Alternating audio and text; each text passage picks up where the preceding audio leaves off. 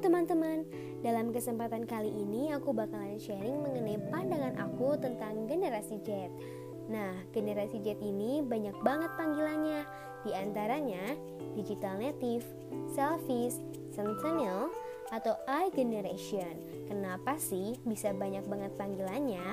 Karena Gen Z ini adalah generasi yang lahir saat perkembangan teknologi sangat pesat, di mana saat Gen Z mulai berkecimpung dalam kehidupan, ia memiliki karakter yang berbeda dengan generasi sebelumnya.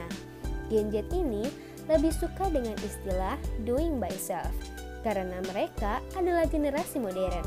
Menurut David Stillman dalam bukunya bahwa Gen Z ini akan mencapai populasi terbesar di dunia dimulai tahun 2020 sebanyak 40%.